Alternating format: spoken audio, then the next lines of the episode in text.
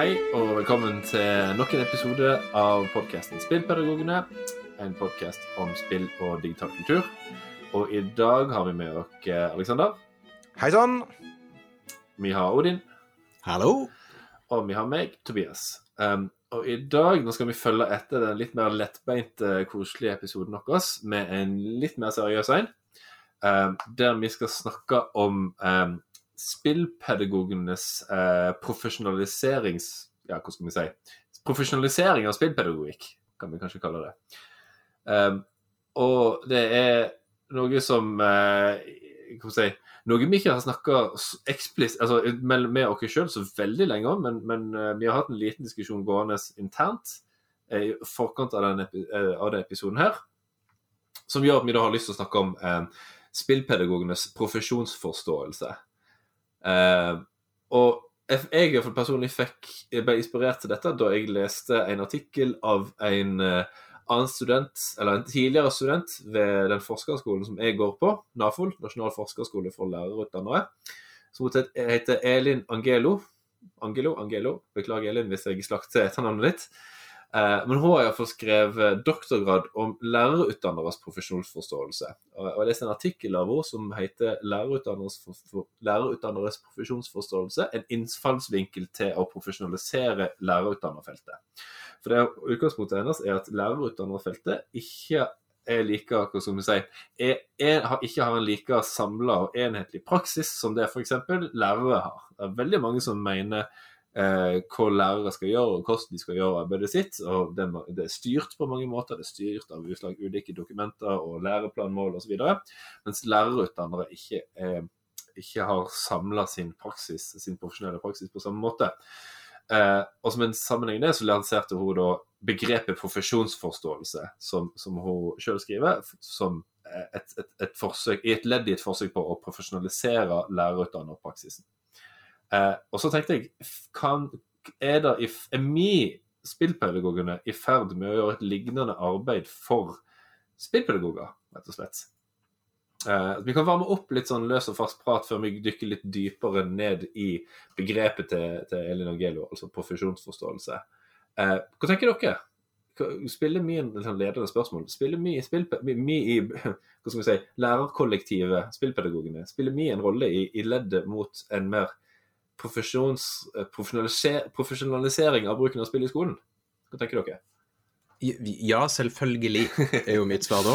ja, kort svar. Jeg, jeg, jeg, noterte for meg sjøl at jeg, jeg, tenker jo at selve jobben spillpedagog, altså det å legitimere er du en spillpedagog, hva, hva er det som definerer en spillpedagog, det, det, er litt sånn up for grabs.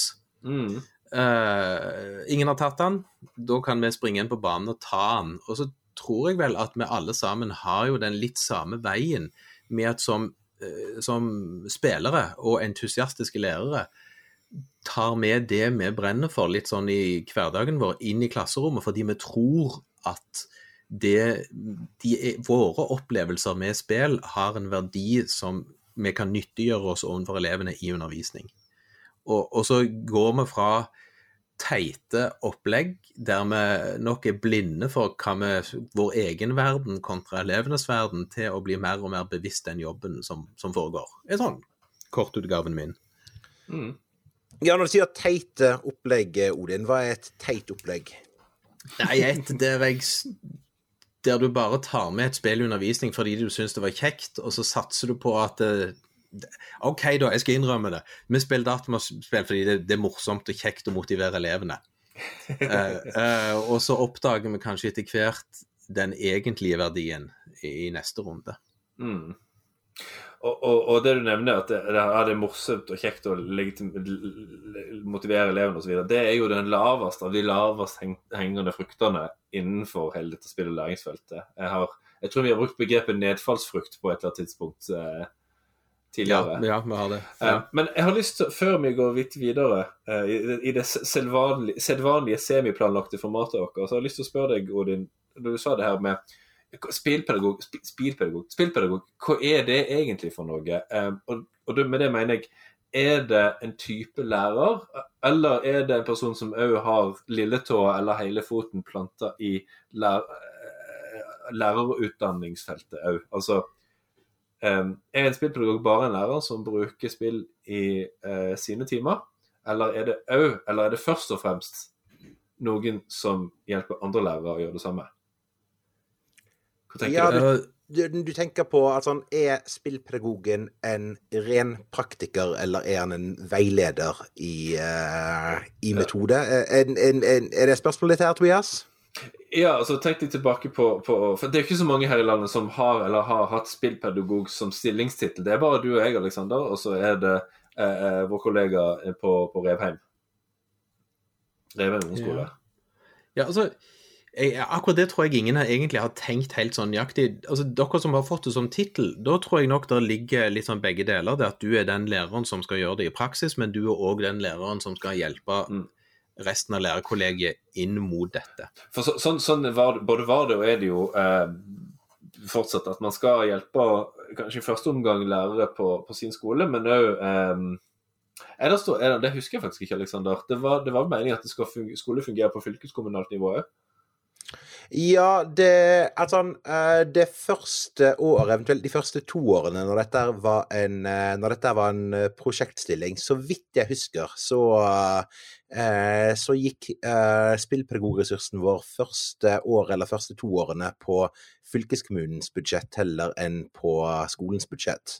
Men drømmen min er jo for så vidt at den skal tilbake inn der. Det er jeg, Ja, vi, må kanskje bare for, for, litt, forklare det ekstra tydelig for eventuelle nye lyttere som ikke har hørt på podkasten så lenge. Altså det, det vi snakker om, er altså at jeg og Aleksander eh, Jeg hadde tidligere eh, spillpedagog Var ansatt delvis som spillpedagog på Nordvik videregående skole. Aleksander er det fortsatt. Altså Det er en stilling som er oppretta eh, av skolen. På skolen. Ja. Og jeg kan bare eh, kort og forklare hva er det som, eh, som det innebærer. Og det er at sånn de, de årene hvor enten meg eller Tobias eller oss begge to har hatt denne stillingen her, så har vi hatt den mellom en 10, eh, mellom en 10 og 20 prosent hver, eller da en mellom en 10 og 30 prosent til sammen, eh, til sammen ressurs. Eh, og den ressursen den er definert sånn at uh, deler av tiden skal vi bruke på, også, bruke på å utforske spill og gjøre en vurdering på hva er det som kan brukes i skolen. Uh, deler av det handler om at man skal ha tid til å planlegge, planlegge egen eksperimentell undervisning hvor spill inngår på en eller annen måte. Og den siste, og kanskje i mitt syn i alle fall, viktigste bestanddelen, det er at vi skal, altså, at vi skal veilede og legge til rette for at uh, andre kolleger skal kunne ta i bruk spill på en hensiktsmessig måte. Og det det å legge til rette, det handler jo da på den ene siden om også legge strukturelt til rette, sant? Sørge for at, eh, eh, altså, sørge for at eh, spill er innkjøpt eller anskaffet og kan distribueres og brukes av elevene på en hensiktsmessig måte. Men også denne her pedagogiske veiledningen av hva er en fornuftig måte å bruke spill i undervisningen på. Mm. Ja. Um, jeg tror det du snakker om nå, Alex, er det som eh, i, i, innenfor litteraturen kalles uh, first order barriers og second order barriers. First order barriers handler om logistikken og det praktiske. Second order barriers handler om kulturer og holdninger osv. Og, og Mm. spillpedagogen må jo ta seg av forsere begge disse hindrene, godt og godt. Ja, og det, det er jo da jeg tenker at en, en ensom spillpedagog kommer jo ikke langt uten en god kontakt opp mot ledelsen. Mm. Eh, spesielt i forhold til den strukturelle biten, men òg anledning til å være med og påvirke kultur og det å få tilgang Ja. til de arenaene på en skole hvor, hvor en er med og former de. For, for, for hele, for hele clouet er jo at selv om det er få i Norge som har er blitt konkret spesifikt ansatt som spillpedagoger, så er det jo mange andre som er hva man si, mer uformelle spillpedagoger, så å si, at, altså, som gjør den samme, mye av den samme jobben som jeg og Alexander har gjort, men eh, eh, altså ja, Uten å ikke- bring home the big bucks. Ja, rett og slett. Uten å få tid og penger for det. Ja, men det, det som jeg, I forhold til det du nevnte, Alexander, så tenker jeg også det er en veldig viktig del at i en spillpedagogs uh, tid, så blir det satt av tid til å, være med, til å få utvikle egne ting, altså utvikle seg selv i forhold til det å lage undervisningsopplegg. For, for det er ikke bare nok å, å skulle veilede andre på en måte, det er noe med å, å, å få grave i dette fagfeltet som, som, som er jo sånn sett nytt. Altså Vi hadde jo den episoden her for litt siden om hva er spillpedagogikk? Eh, som jo selvfølgelig da en spillpedagog bør ha et forhold til å kunne være en god utøver av. For å kunne hjelpe andre lærere til å bli gode utøvere av, av spillpedagogikk som, som sådan. Så- Så, så jeg tenker jo at den, det å være en spillpedagog er begge, begge deler er like viktig, fordi du kan ikke veilede uten å på en måte ha det rammeverket Mm. i egen praksis, Mm. som du òg kan, kan gå videre med og utvikle videre. Hvis ikke Mm. så, så størkner det veldig fort opp. Mm.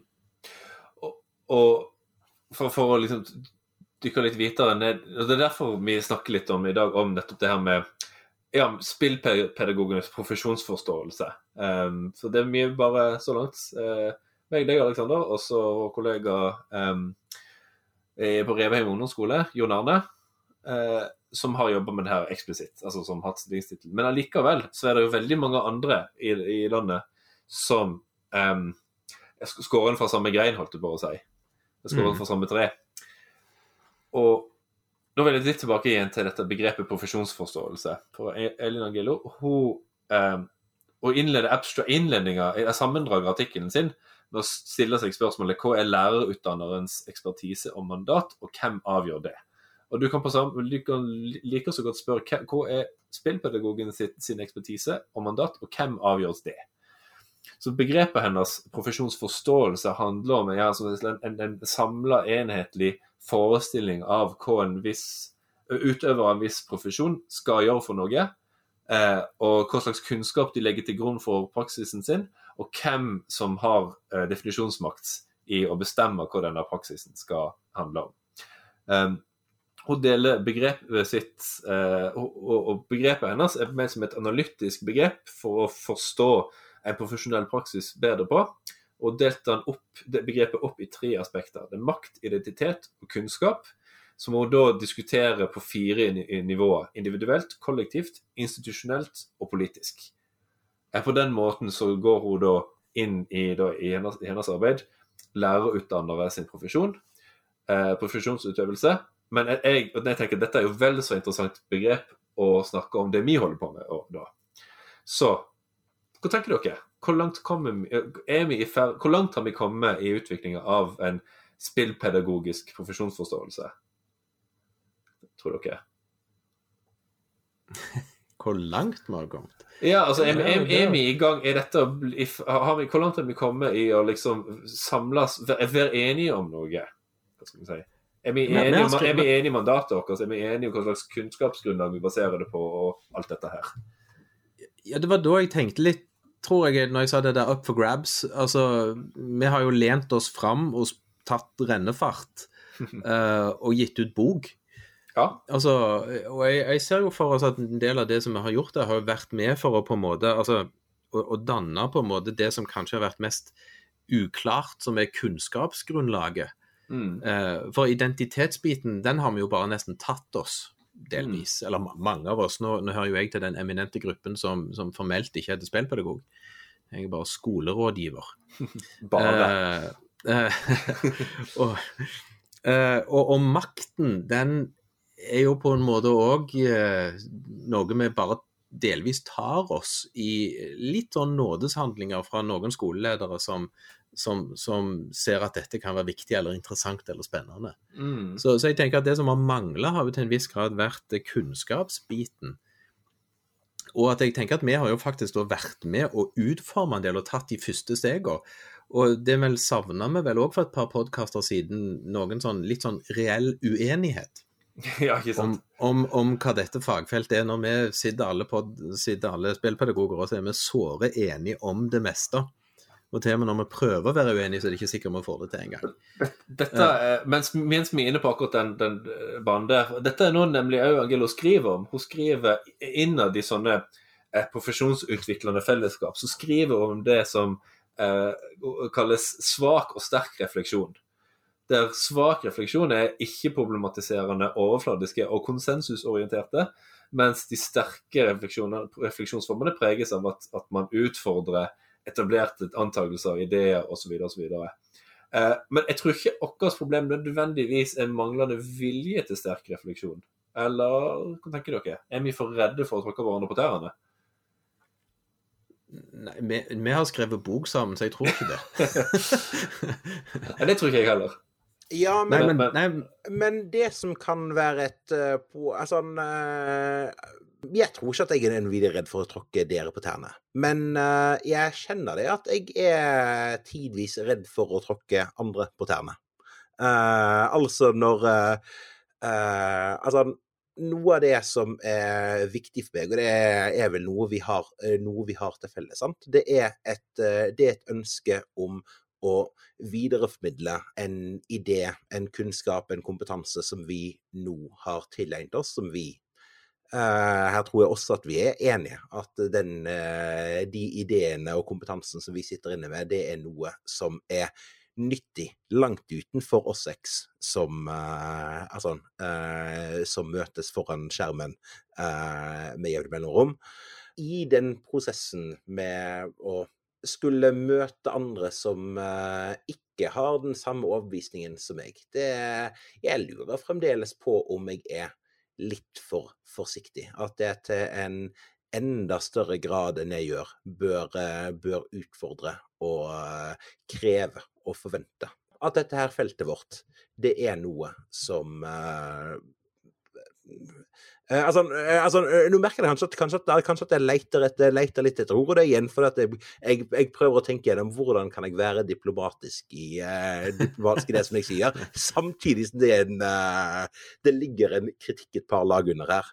Men, men forstår jeg rett nå, Alexander, at du nå snakker om å kritisere de som står utenfor dette profesjonsfellesskapet?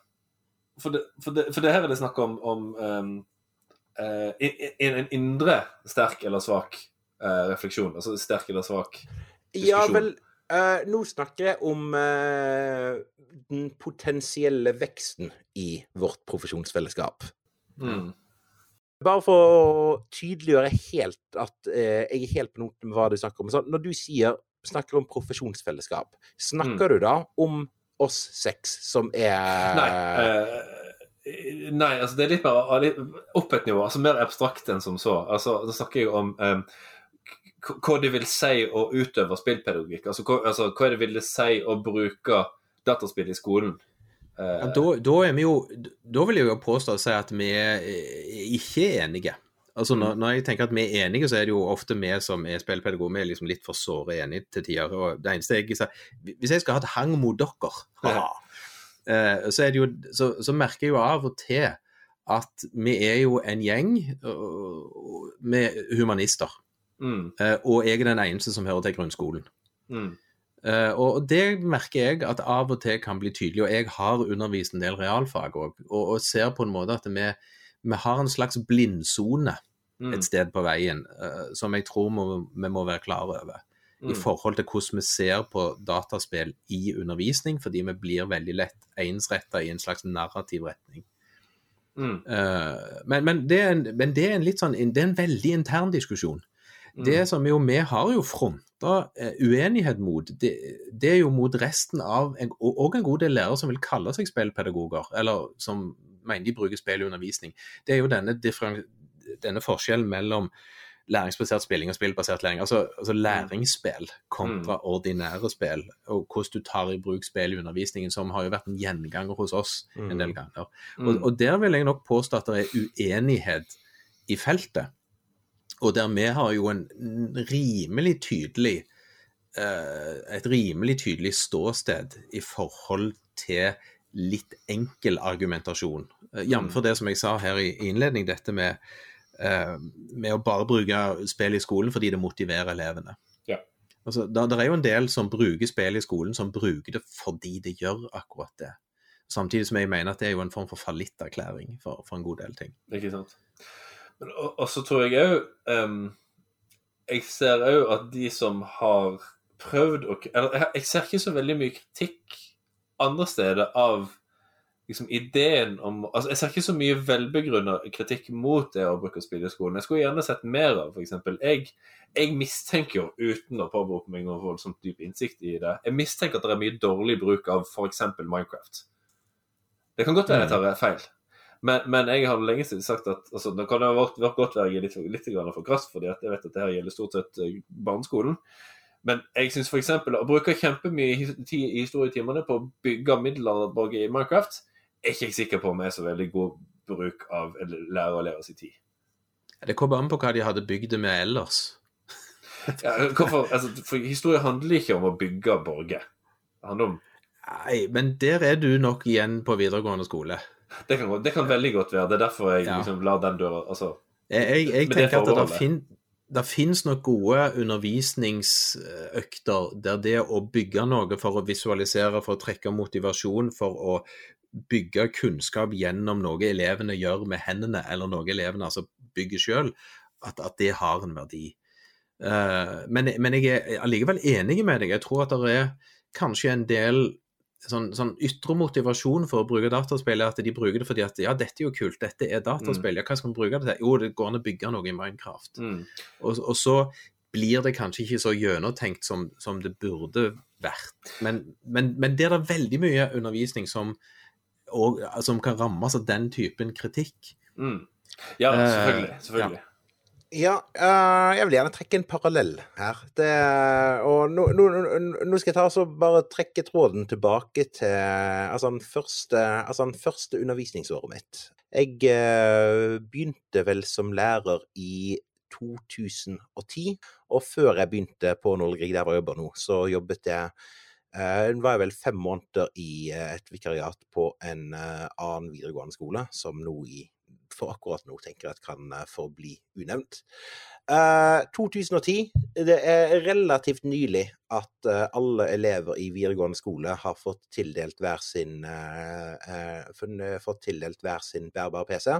I utgangspunktet jeg er veldig positiv til det, at eh, alle elever skal ha hver sin bærbar PC. Men eh, sånn som jeg opplever det, dette her eh, sabla kraftige verktøyet som var på eh, som, ja, som da lå på elevene sine pulter, særlig i dette første, første møtet mitt med skolen på ordentlig, i alle fall fra bak katetersiden. Det var, altså Praksis var i bunn og grunn at, eh, at, at PC det ble brukt som en glorified workbook. Eller altså, altså det ble brukt som en skrivemaskin uh, og til lite annet. Og når dette her, eh, når dette verktøyet, som var sabla dyrt, også skulle rulle ut over en en- Altså, jeg vil anta at ganske mange steder når PC, når, eh, altså, eh, når PC-er ble rulla ut til alle videregående skoler i landet, det tok ganske lang tid før praksis, på, eh, praksis i klasserommet endret seg til en sånn grad at dette her var en, at dette var en pluss for elevene, heller enn at det var en minus. Og det som er, det som er, altså, eh, altså, det som er, det som er parallellen, parallellen her, det er sånn på samme måte som mange lærere var nok ikke klar for at uh, hver elev skulle ha sin egen device når det kom ut, og det ble uh, mye pedagogikk som nok ikke var helt sånn som man burde være. Men denne prosessen for å bygge den pedagogiske kompetansen blant lærere, enten det er knyttet til PC-er generelt, eller det er knyttet til spill, eller det er knyttet til et eller annet annet verktøy som skal inn i skolen, det tar tid. Det tar gjerne mange år. Og på den stien der så vil man måtte akseptere at undervisning i eh, Altså undervisning i noen klasserom på noen skoler over en periode blir dårligere enn det den hadde vært eh, hvis det verktøyet ikke hadde vært tatt inn i, eh, tatt inn i utgangspunkt. Men med da et forhåpentligvis mål et eller annet sted der framme at den pedagogiske kvaliteten totalt vil være høyere at the end of it. Mm. Ja, det, det, er jo en sånn, det er jo en sånn klassisk forståelse av ny teknologi. Altså, du får ny teknologi, og ting blir inn i en bedrift eller en organisasjon, og organisasjonen blir mindre effektiv Mm. en periode, selv om teknologien skal gjøre bedriften mer effektiv. Og For å få effekt, så må òg kulturen i organisasjonen endre seg for å kunne utnytte disse nye verktøyene på en Ja. god måte. Og så- Og Sånn går det an å velge å se på den bærbare PC-en, eh, og for så vidt spill. Eh, og Når du nevnte det, så tenkte jeg jo noe som jeg nevnte for litt siden òg. Altså, vi snakket om at spill kommer jo i veldig mange former. Og hver gang vi snakker om Minecraft, i kanskje grunnskolen spesielt, så er det jo ingen som bruker Minecraft som dataspill. De bruker Minecraft, spiller Minecraft som et verktøy. Mm. Og de kobler egentlig ut selve spillet Minecraft og sitter bare igjen med, med, med mekanikken i det, og bruker det som en sånn avansert Lego-maskin. Og, og, det, og akkurat den nyansen du er inne på der, Odin, tror jeg veldig mange glemmer. Fordi at Det er litt sånn for å knytte sammen det du sa nå med det eh, Odin sa nå, med det du sa, Alex, at um, når man tar en, en gjenstand, en artefakt, fra, som, som er, kommer fra et annet sted, altså kommer fra en annen praksis, inn i en ny praksis, og forventer at den skal ha en slags effekt, så glemmer man gjerne fort at hver gjenstand og, og måten den brukes på, er veldig sånn uløselig knytta til hverandre. Liksom. Altså Minecraft, som du sier, Odin, er et spill når det spilles.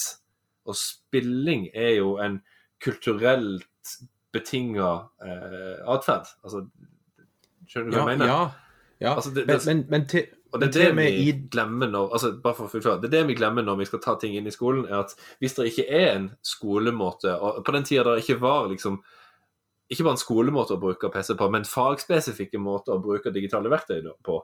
Eh, når ikke, den ikke finnes ennå, så er det jo litt sånn forfengt å bare droppe en verktøy ned i en skolefag og bare Hei, se her, bruk det her. Men det ut, du har helt rett. Odin, Det må utvikles en kultur for å bruke denne gjenstanden, det verktøyet, på hva skal vi si, faglig nyttige måter. Så jeg er helt enig med deg at, at de bruker ikke Minecraft som spill. Ja, men, men det er derfor jeg sier òg de skrur jo faktisk av spillmekanikken Ja. når de går inn i creative mode. Uh, men samtidig har jo vi som spillpedagoger sagt at ja, vi anerkjenner det jo. De bruker et på en måte spill, men det er spill som et verktøy, det er ikke spill som et spill. Men, men samtidig det, det er der òg vi blir litt sånn blinde i den gjengen vår. For vi er jo unektelig glad, og meg sjøl inkludert, selv om jeg mener at jeg ser en, en litt annen del av det òg, dette med spill som narrativer. Så vidt et spill ikke har et narrativ, så, så får vi litt sånn utfordringer med hvordan vi skal bruke det i skolen. Uh, og så er det selvfølgelig noen hederlige unntak, men det er jo fordi vi har den på en måte ballasten vi har, og nå ser hvordan vi kan bruke spill med et narrativ på en god måte inn i undervisning. Eh, men samtidig så er det jo da en rekke, en hel haug med andre spill som ikke har et narrativ, ikke har lyst til å ha et narrativ engang. Mm. Og, og som noen ganger så strever vi med å få de inn, mens andre ganger så er det kanskje andre lærere som ser at dette kan jeg bruke, for jeg har en annen bakgrunn eh, faglig, og ser at i mitt fag, på måten jeg ser at jeg kan undervise på, så kan dette spillet ha en hensikt. Mm. Så, så, og, og det er jo litt det vi sa, at spill finnes jo i så utrolig mange ulike former i forhold til hva type spillmekanikk som blir Mm. brukt for å lage et spill. Mm.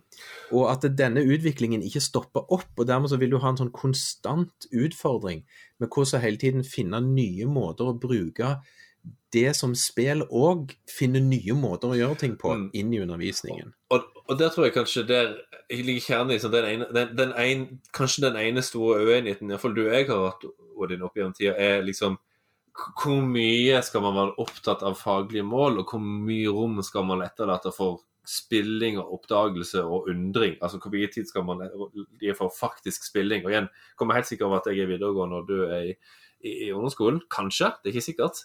Um, men, for, for, det jo, men det er jo uansett interessant dette debatt å ta. Altså Handler spillpedagogikk om å la spillerne være spill, men i en klasseromsetting, eller handler spillpedagogikk for, om å bruke spill for å formidle faglig innhold på et eller annet vis? Altså, jeg vil si ja takk, begge deler. Uh, For det er to Ja. veldig forskjellige Og jeg er jo egentlig enig, men, men, men samtidig så er Når vi sier ja takk, begge deler, så blander bl står vi i fare, tror jeg, for å blande to veldig forskjellige fagdidaktiske praksiser. jo, jo, men det gjør vi jo. Men det er derfor jeg sier vi har jo den tredje òg, når du bare bruker et spill som verktøy, der vi egentlig ikke spiller, men vi sier at vi bruker et spill. Altså, så, så du har jo på en måte, Det er en del moduser jeg tror du må inn og ut av som spillpedagog, som du Mm. må være selvfølgelig bevisst, og det tenker jeg òg er litt trikset her. Eh, Altså, Jeg er jo villig til å si at du kan se på film på samme måten. Du kan på en måte velge å Eller teater. Du kan gå på teater og få en opplevelse, eller du kan òg gå på teater for å bruke teaterforestillingen eller den teksten, eller altså forestillingen, inn i en faglig setting.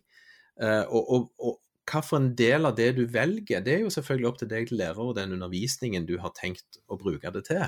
Mm. Så, så jeg mener jo at opp, altså Det er jo det jeg har sagt en del ganger, som er kanskje min sånn kjepphest i en ting. altså Opplevelsen som didaktisk virkemiddel Mm. eh, står ikke i veien for å bruke spillet som et faglig virkemiddel.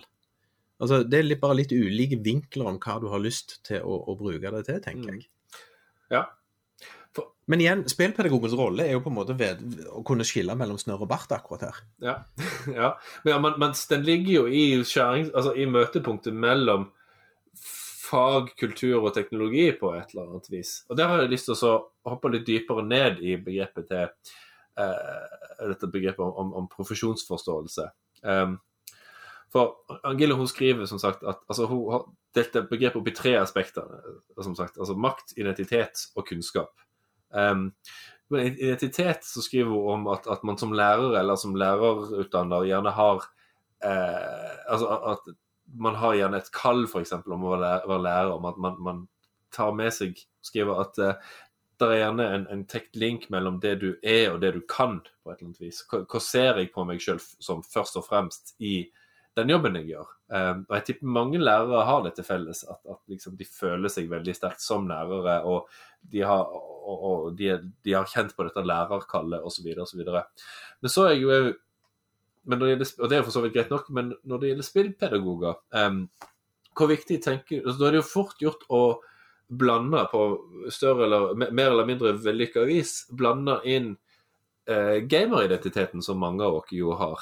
Eh, og som en del av mine for mine informanter i, i ja, mine forskningsdeltakere i, i min doktoravhandling ikke har. Men som allikevel eh, driver utmerket spillpedagogikk. Mm. Jeg med på vi kan ta, Jeg har lyst til å snakke litt om hver av disse her. Jeg har lyst til å snakke litt om identitet, identitet makt og kunnskap. Vi kan bare starte litt med identitet. Eh, hva tenker dere? Er det nyttig eksempel, å identifisere seg som en gamer i tillegg? Er, er det var spillpedagog noe veldig annet, eller? Jeg kan jo ta mitt utgangspunkt litt der, bare for å ta det med identitet. For, for jeg er jo veldig Jeg mener jo at identitet er en viktig del av det. Men jeg tror Altså, jeg er så gammel, uh, og ble helt nervøs når Alexander begynte sin lærerkarriere i 2010. uh, men, men det er noe sånn sagt. Men uh, Så jeg likte jo spill, og spilte jo mer spill enn gjennomsnittet eh, totalt sett, eh, lenge før gamer var et ord. Og har for så vidt sånn sett aldri hatt en identitet som gamer. Mm. Selv om jeg alltid har likt å spille spill, så, så identiteten gamer har på en måte ikke vært en del av det. Så jeg forbinder meg jo selv mer som, som lærer, uh, mer enn så mye annet. Og, og når jeg da trekker, har trukket spill inn i undervisningen, så har det jo mer vært fordi at jeg knytter det til at jeg har selv hatt positive opplevelser Mm. knytta til ting jeg på en måte har lært og opplevd gjennom å spille et spill, og, og en slags ideologisk forståelse av at siden jeg har hatt det, så må jo elever òg nødvendigvis kunne ha den samme opplevelsen, hvis jeg klarer å pakke det inn på den rette måten. Uh, og, og ha det som utgangspunkt. Men, men jeg har liksom aldri opplevd meg selv som gamer når jeg har tatt et spill med inn. Men det er jo fordi den identiteten har på en måte ikke vært Mm. eksisterende som det jeg har vært i min oppvekst. Da får jeg lyst til å følge opp med spørsmålet eh, Hvor sterk er spillpedagogidentiteten din? I den grad du Ja, den har en. nok- ja, den er nok sterkere. ja. Altså, eh, og, og, og, og den knytter jeg jo litt til jeg, jeg tenkte jo på en del på det som jeg sa i forhold til NKUL, dette med hvorfor er det så mye Hvorfor er det så mange humaniora-pedagoger, lærere, som, er, som trekker spill inn i skolen, og veldig lite realistlærere som gjør det. Mm. i forhold med at og, og jeg tror at det er knytta til litt hvordan du ser på deg sjøl som lærer i, i dette, med dette profesjonsfeltet. Ja. For de fleste norsklærere, bare for å ta norsklærerne, de har i sin i forståelse som lærer at de trekker inn kulturelle opplevelser i form av film og tekst og narrativer som nødvendigvis går ut over selve læreboka. Mm. Eh, og Det betyr at hvis de har lest en god roman, eller sett en god film, eller gått på teater og sett et kanonbra teaterstykke, så er det automatisk en liten sånn stemme i hodet som sier at det, dette, dette kan jeg ta med i undervisningen. Og det er en legitim ting å gjøre. Mm. Jf. litt sikkert relativt profesjonsbegreper, at det er ingen lærer som kritiserer deg for å trekke inn et teaterstykke Nei. i norskundervisningen. Nei, nei, nei. Ja, ja, og, og, men, og, og det er derfor jeg sier, men det ligger litt sånn innebygd i selve identiteten som lærer for en del humaniora. Altså Samfunnsfaglærere ser nyheter, de følger med på ting. Mm. Og da tror jeg òg at en, hvis du da har en humanioralærer som i tilfeldigvis òg spiller spill, Mm. så vil denne læreren lett plukke opp disse ulike narrativene og tematikk som blir tatt opp i spill, og tenke på samme måte som de tenker i forhold til teaterstykke og film. Dette kan jeg bruke i undervisning. Jeg, og det, og det er du inne på da, veld, no, noe, to veldig beslekta, altså to viktige si, deler av det her. Du har din individuelle profesjonsidentitet, men så har du òg et profesjonelt fellesskap du ser deg så altså ser mot. Jeg er en av jeg er norsklærer, f.eks., og jeg nå, gjør sånn som norsklærere gjør. Men jeg husker tilbake da jeg mitt andre år som lærer For at du skal begynne å svette enda mer på seg, så dette var vel i 2012, tenker jeg. Eller 2013. Ja. Ikke kjempe, litt lenge siden, ikke kjempelenge siden. Eh, så var det litt sånn sur, sure miner når jeg sa på norsklærermøtet at jeg skal ikke lese Gunnar Gomsunge, jeg skal spille The Last of Us. Det var ikke superpopulært.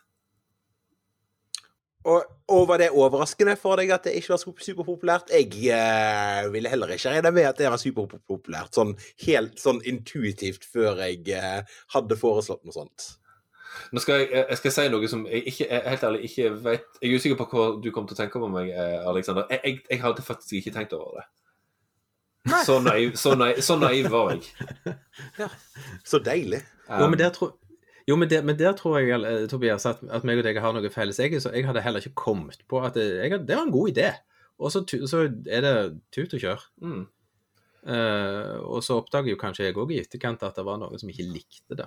Men, For det var eh, Jeg husker en, en, kollega som, som skal få bli eh, Eller som Eller noen sa på et tidspunkt seinere at uh, vi må huske på at det er ganske mange gode argumenter mot dette her. Skal ikke skolen være et sted hvor elevene møter tekster som gir dem noe? Implisert at dette her kunne ikke gi dem noe.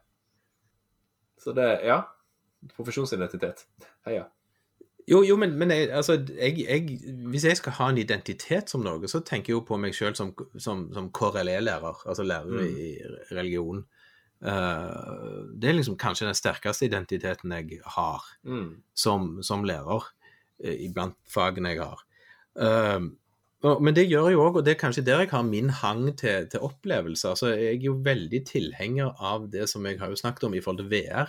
Mm. Eh, det, dette med å eh, kunne være i stand til å forstå at innsideperspektivet oppleves personlig veldig annerledes enn et utsideperspektiv. Mm. Altså, en, en som står på innsiden og en som står på utsiden, kan i utgangspunktet ikke kommunisere godt sammen, fordi de har ikke opplevd hverandres perspektiver. Nei, den som står for utsida, kan identifisere seg kanskje med at 'jeg er ikke sånn som deg'. Det er min identitet. Det man ikke er.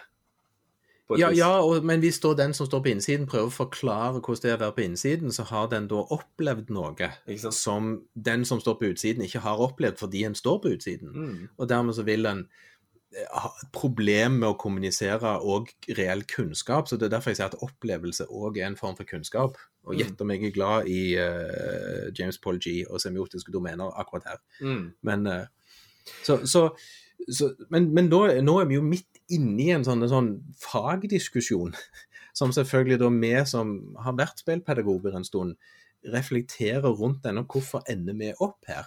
Men- Eh, For, og, og, og det er jo der jeg tenker, det er jo, den, det er jo de stegene jeg alltid håper at de som vil bli spillpedagoger For jeg tror ikke det handler om nødvendigvis bare å bruke dataspill som sådan. Jeg tenker at det handler om å forstå læringsressurser på en ny måte. Og så er det jo et Før jeg eh, Bare kjapt før jeg, Alexander, du må få lov å si litt om din identitet, holdt jeg på å si. Eh, det er jo, det er jo, er jo en, en slags Altså, jeg kommer spillpedagogidentiteten på som en slags vedheng på en allerede eksisterende faglæreridentitet, eller hva er det? For man er jo Altså Man har jo mange identiteter, og man må gjøre skyldlærer, faglærer-identiteten og spillpedagog-identiteten samtidig, eller? Alex, Hvor sterk er din spillpedagog-identitet? Ja um,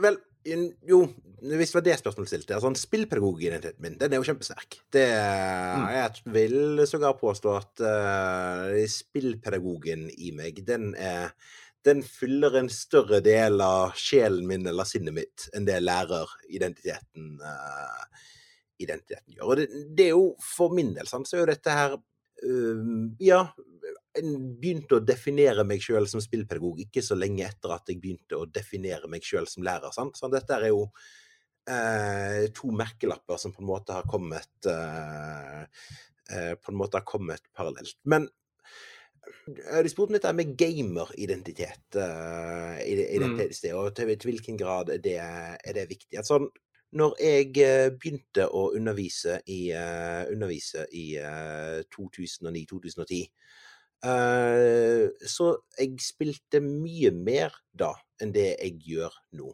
Altså, jeg tror ikke at jeg brukte gamer om meg sjøl til noen særlig grad uh, før, før 2010, eller før jeg ble lærer heller. Men uh, det var nok sikkert noe jeg var allikevel.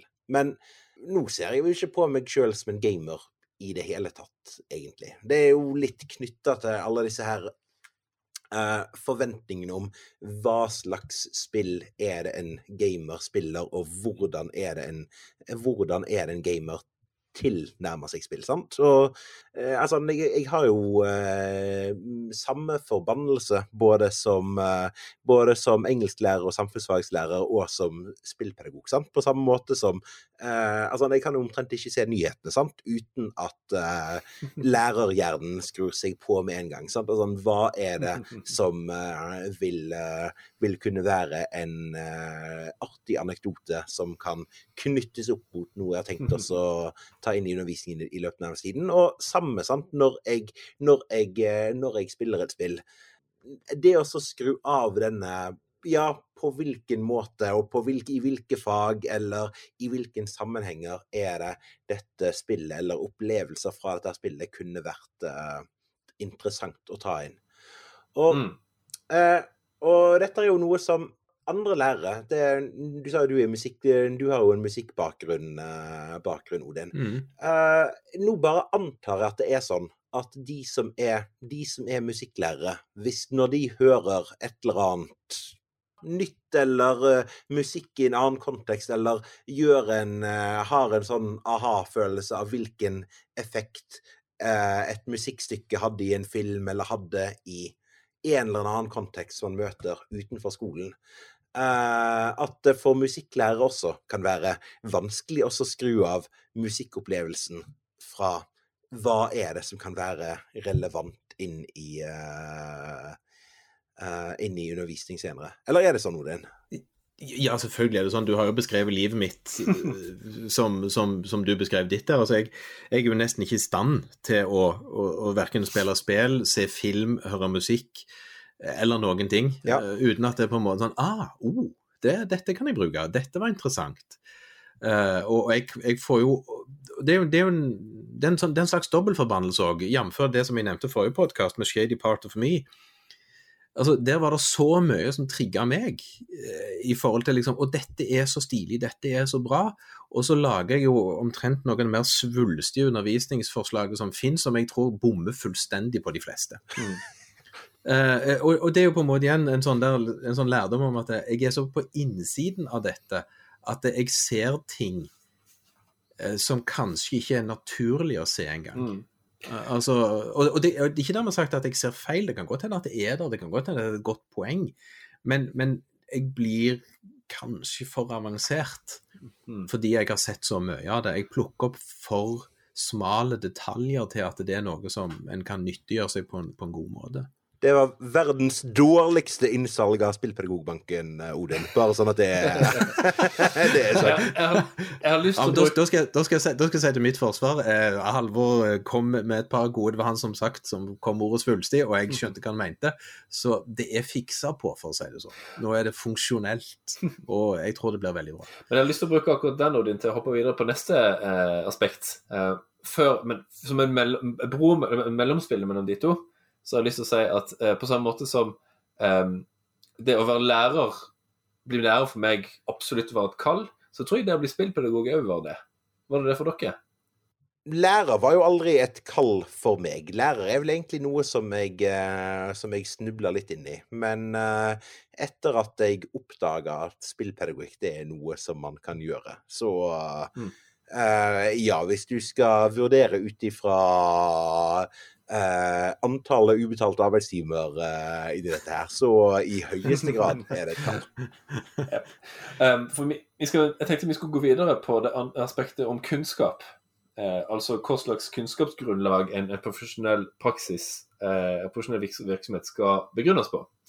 Eh, nå siterer jeg fra Angelo igjen at hun skriver at profesjonens kunnskapsgrunnlag er avgjørende fordi det er dette som skiller den faglærte fra den ufaglærte.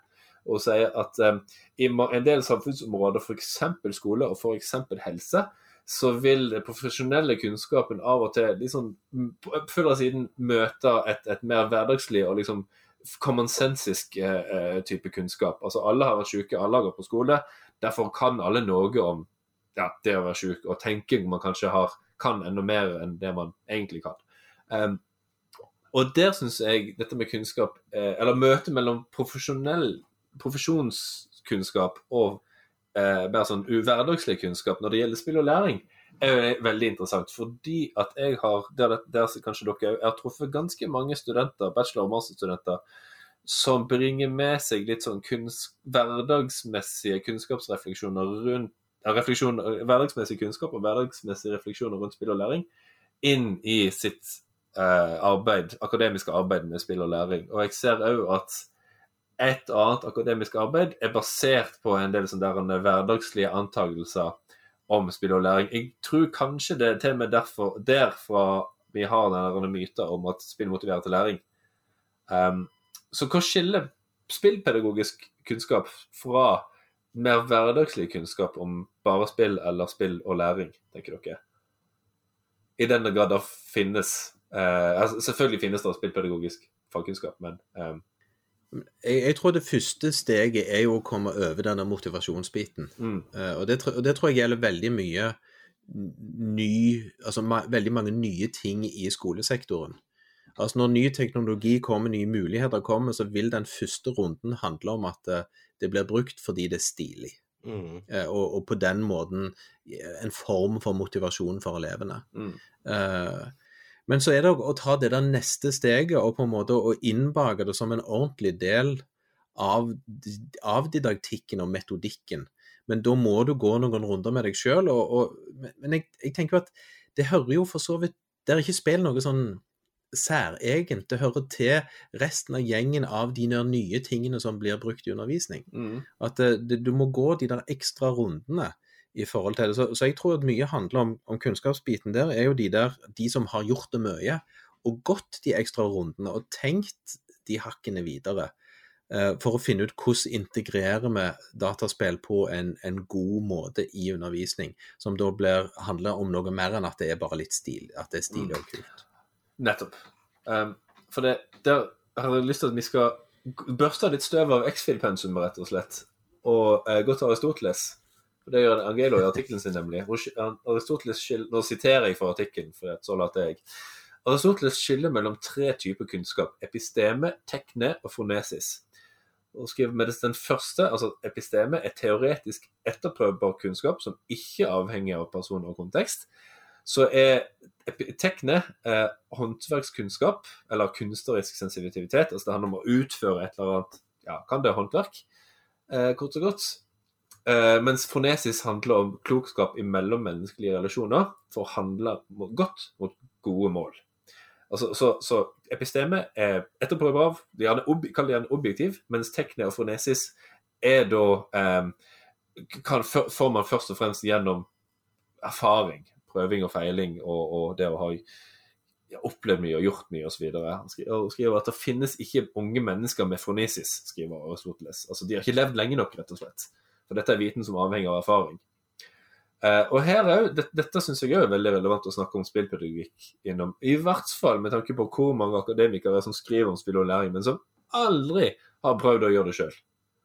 Uh, Jonas Linderoth eh, sa en gang i et foredrag at eh, altså, han tror han mener at problemet rundt det, akkurat dette problemet kommer fra at mye av den akademiske diskursen rundt spill og læring er så generell og abstrakt at du kan mestre diskursen uten å mestre håndverket, rett og slett. Hvis det maker sense. Mm. Altså, du kan, du kan gjenta alle disse herrene etablerte my... og for å si, Du kan ha pugga mytologien rundt spill og læring på rams, altså det her med motivasjon og læring og bla, bla, bla, uten å egentlig ha peiling på hva du snakker om, for å være litt arrogant. Ja. ja. jo, jo, men altså, jeg, jeg tror jo det er tilfellet. Altså, men, men det er der jeg tenker Spillpedagogikk er jo et nytt felt, Mm. tenker jeg, i, i den forstand. Og at ting blir jo til mens vi går. Men, sam, men samtidig har det jo spill blitt brukt i utdanningshensyn i 40 år. På et eller annet ulike vis. Um, hvor er det spillpedagogikken kommer inn henne, i så fall? Hvorfor snakker vi først nå om det, og ikke, hvorfor snakker vi ikke om det for 20 år siden? Tror dere? Hvorfor har ingen vært her før dere for å være super-egosentrisk? Altså, jeg, jeg tror jo de har vært der, men det har ikke nødvendigvis vært knytta opp mot dataspill. Altså, Ja. det, er litt som, som Alex sa, når, når den bærbare PC-en kom, uh, så, så gikk på en måte den de samme pedagogiske rundene, tror jeg, som dataspill gjør. Og så er det ikke til å stikke under stol om at det er de siste årene nå at, at spill som et kulturelt fenomen har blitt såpass anerkjent i allmennheten Mm. at det er òg noe som vi tar inn i skolen. Ja. Men vi hadde jo læringsspill, for eksempel, for lenge siden, og vi hadde jo Eh, Hvis, jeg, hvis vi tar sammenligning med, med, med film Mm. altså, vi, har jo, vi har jo Før videomaskinen sin tid så gikk jo skoler på kino og så film. Eh, men da så en jo veldig mye mindre film. Mm. Men når videomaskinen kom, så ble jo det å se film eh, en, en annen del av undervisningen. Og det foregår jo ennå unektelig at en ser film bare fordi det er gøy uh, i skole. Og, og som, som har på en måte ikke kommet så mye lenger mm. som vi kanskje vi burde, om hvorfor vi ser film. Uh, men, men det er litt de samme tingene som er at nå er på en måte te teknologien til å kunne spille spill blitt så mye lettere tilgjengelig i klasserom at det, det er en større kultur for å ta det med inn. Mm. Uh, men, men utover det så tror jeg ikke jeg har noe sånn veldig godt svar. Kan jeg, kan jeg prøve meg på en liten gjetning, så kan du, dere si om dere tror jeg tar feil eller ikke? For det, det er jo ingen som snakker om filmpedagogikk. Men kan grunnen være at f.eks. norsklærere og historielærere mye lettere klarte å ta opp film i sine fagpedagogiske refleksjoner enn det man har klart å gjøre med spill? Er det mye lettere for en, en hvilken som helst historielærer å reflektere fagdidaktisk rundt bruk av film, f.eks.? Eller? Eh, Ja, det Men eh, altså, utfordringen og, og dette er jo til stor grad en kommunikasjonsutfordring um, for oss. Det er jo altså det, altså, det er jo at spill kan være så fryktelig mye forskjellig. I denne boken som vi skrev, i, altså, der har vi et kapittel, det kapittel seks, tror jeg, sånn at, eh, hvor, eh, altså, som handler om spill som rollespill og ekskursjoner. Eh, og rollespill er jo ting som er kjent sant, i skolen, og ekskursjoner er ting som er kjent. Uh, verktøy eller byggeklosser, uh, Lego en, Lego er kjent, for å ta, ta parallellen til Minecraft. Og litteratur er kjent, sant, for å ta mm, parallellen til alle disse her spillnovellene som, Og, mon som og Monopolet kjent. altså, ikke minst er Monopol velkjent, sant? Eh, men Man komme, komme med trigger warnings før du sier sånn, Nordin. Men nå kan jeg bare dele min erfaring som engelsklærer, i alle fall. At når, bruker, når, jeg, bruker, når jeg bruker film i, uh, film i min undervisning, vi skal gjøre sånn type klassiske sånn analyseoppgaver knytta til filmen, sant? Det er til begrenset grad filmanalyse vi gjør. Det er først og fremst en klassisk litteraturanalyse bare at den handler om film. Eh, altså, elevene blir gjerne bedt om også kommentere på bruk av musikk, eller kommentere på hvordan noe er klippet, eller kommentere på filmtekniske grep for å få gjennom et budskap, sant? Men, eh, altså, men dette her er i alle fall i min undervisning, og jeg tror ikke at det er unikt. Uh, dette her er veldig, veldig små deler av den filmanalysen analysen vi gjør. Det aller meste av filmanalysen, det er eh, akkurat de samme aspektene som vi er interessert i når vi analyserer sånn type tekstlitteratur. Det er hva er det som er temaet her, hvordan er det det temaet kommer fram, hva slags symboler kan dere identifisere, hvordan Eh, hvordan framstår de? Grunnen til at det ikke finnes eh, filmpedagoger på samme måte som vi kaller oss for, eh, eh for spill, spillpedagoger, det er vel det at skolen har et relativt snevert syn på film, og ser på film da i det utvida litteraturbegrepet, heller enn som et eh, Altså som noe vesensforskjellig som skal tilnærmes på en annen måte. Jeg, jeg, tror du, jeg, tror du, har veldig rett i det, Alex, det du sier der. Uh, og, og, da kan jeg komme inn som musikklærer litt sånn på sida, for, for, musikk er jo et eget fag. Mm. Og der lytter en jo til musikk på en annen måte enn uh, du ser film i norsken, for å si det sånn. Mm. Så, så, selvfølgelig en ren filmskole vil jo se film på en helt annen måte. Mm. Uh, og, og, jeg tenker at kanskje vi gjør filmen urett i den forstand med at det ikke er filmpedagoger. Og jeg har for øvrig vært på kurs med filmpedagoger uh, som prøvde å lære oss lærere i forskjellige fag i ungdomsskolen da, om hvordan vi kunne se på film, og hvordan vi kunne trekke inn film som mer enn bare rene fortellinger. Mm. Uh, og snakke med elevene om film, og ikke bare om fortellinger. Uh, og det var jo da filmpedagoger i den forstand. Så, så, jeg tenker at kanskje det er mer en mangel enn nødvendigvis at de ikke fins. Og, og, og, det vil jo kanskje noen si om oss òg, i den forstand som, som spillpedagoger. Vi lever jo veldig nærme oss sjøl.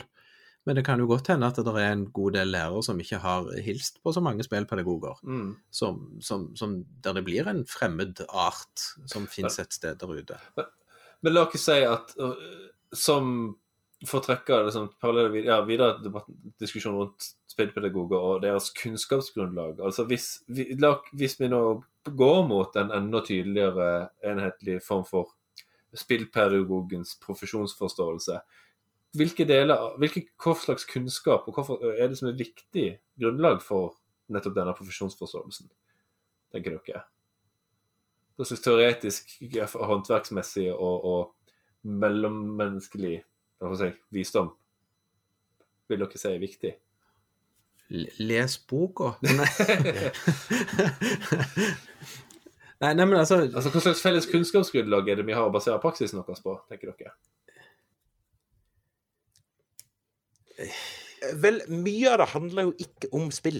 Uh, sant? At uh, uh, altså, altså, det er jo altså, Hvis det er noe som definerer vårt felles forhold til bruk av spill i undervisningen, så er det jo alt som ikke handler om spillet. Så er det det, det fokuset vi har på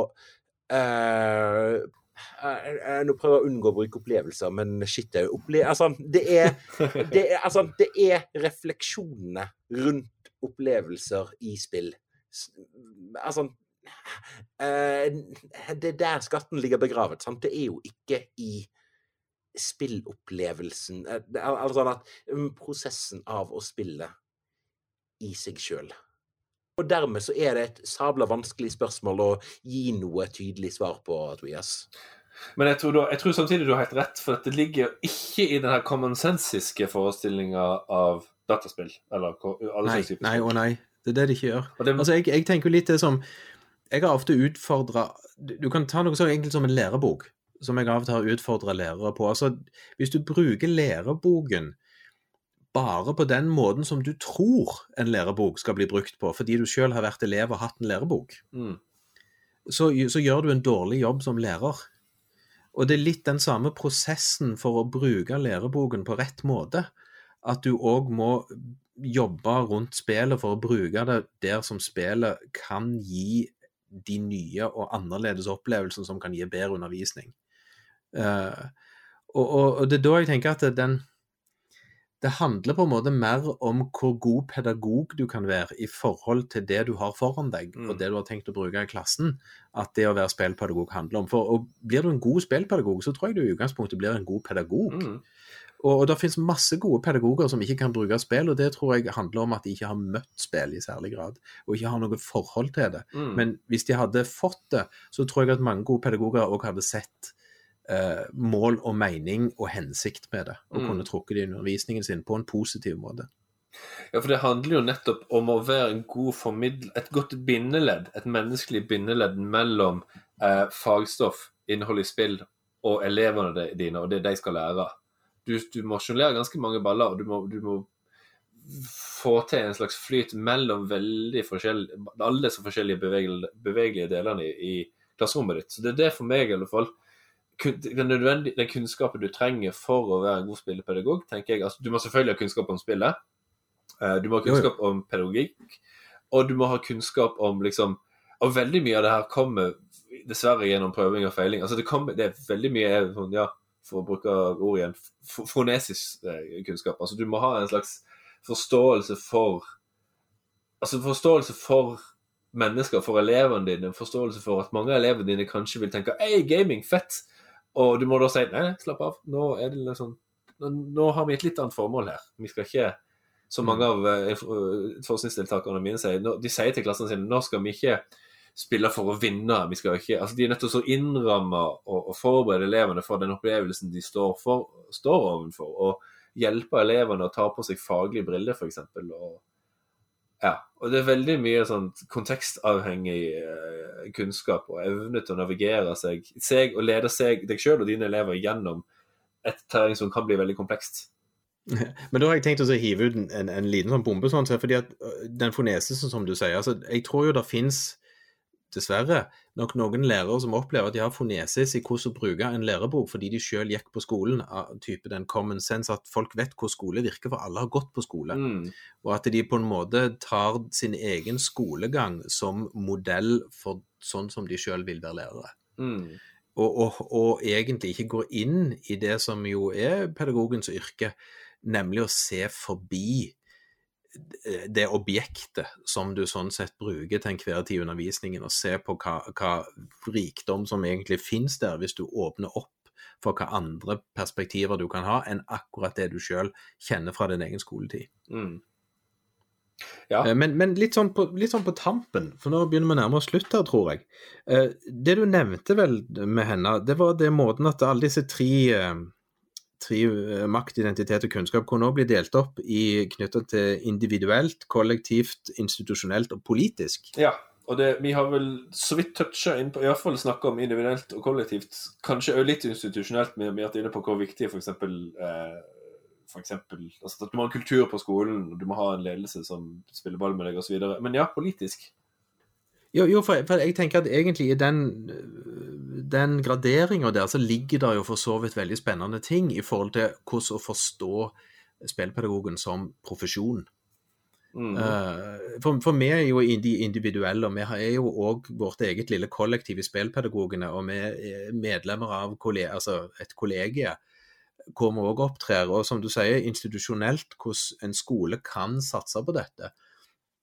Men det er jo her du blir avhengig av legitimiteten i det som du må være med å påvirke. For hvis du mangler legitimitet i noen av disse leddene her, så, så, vil du på en måte ende opp med å måtte slite litt, eller overbevise om at dette er det plass til, mm. eller, og dette er en god idé.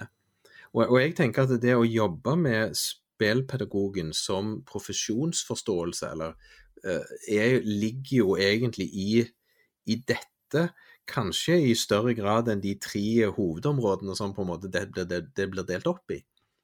Eh, for hvis vi ikke har en, en institusjonell forståelse av det, og heller ikke en politisk forståelse av det, eller du kan si at du har forståelser som går litt imot dette, jf. Eh, vel et sitat fra Udir vi har fått, som jo viser at Udir skjønner spill som motiverende og kjekt. Mm.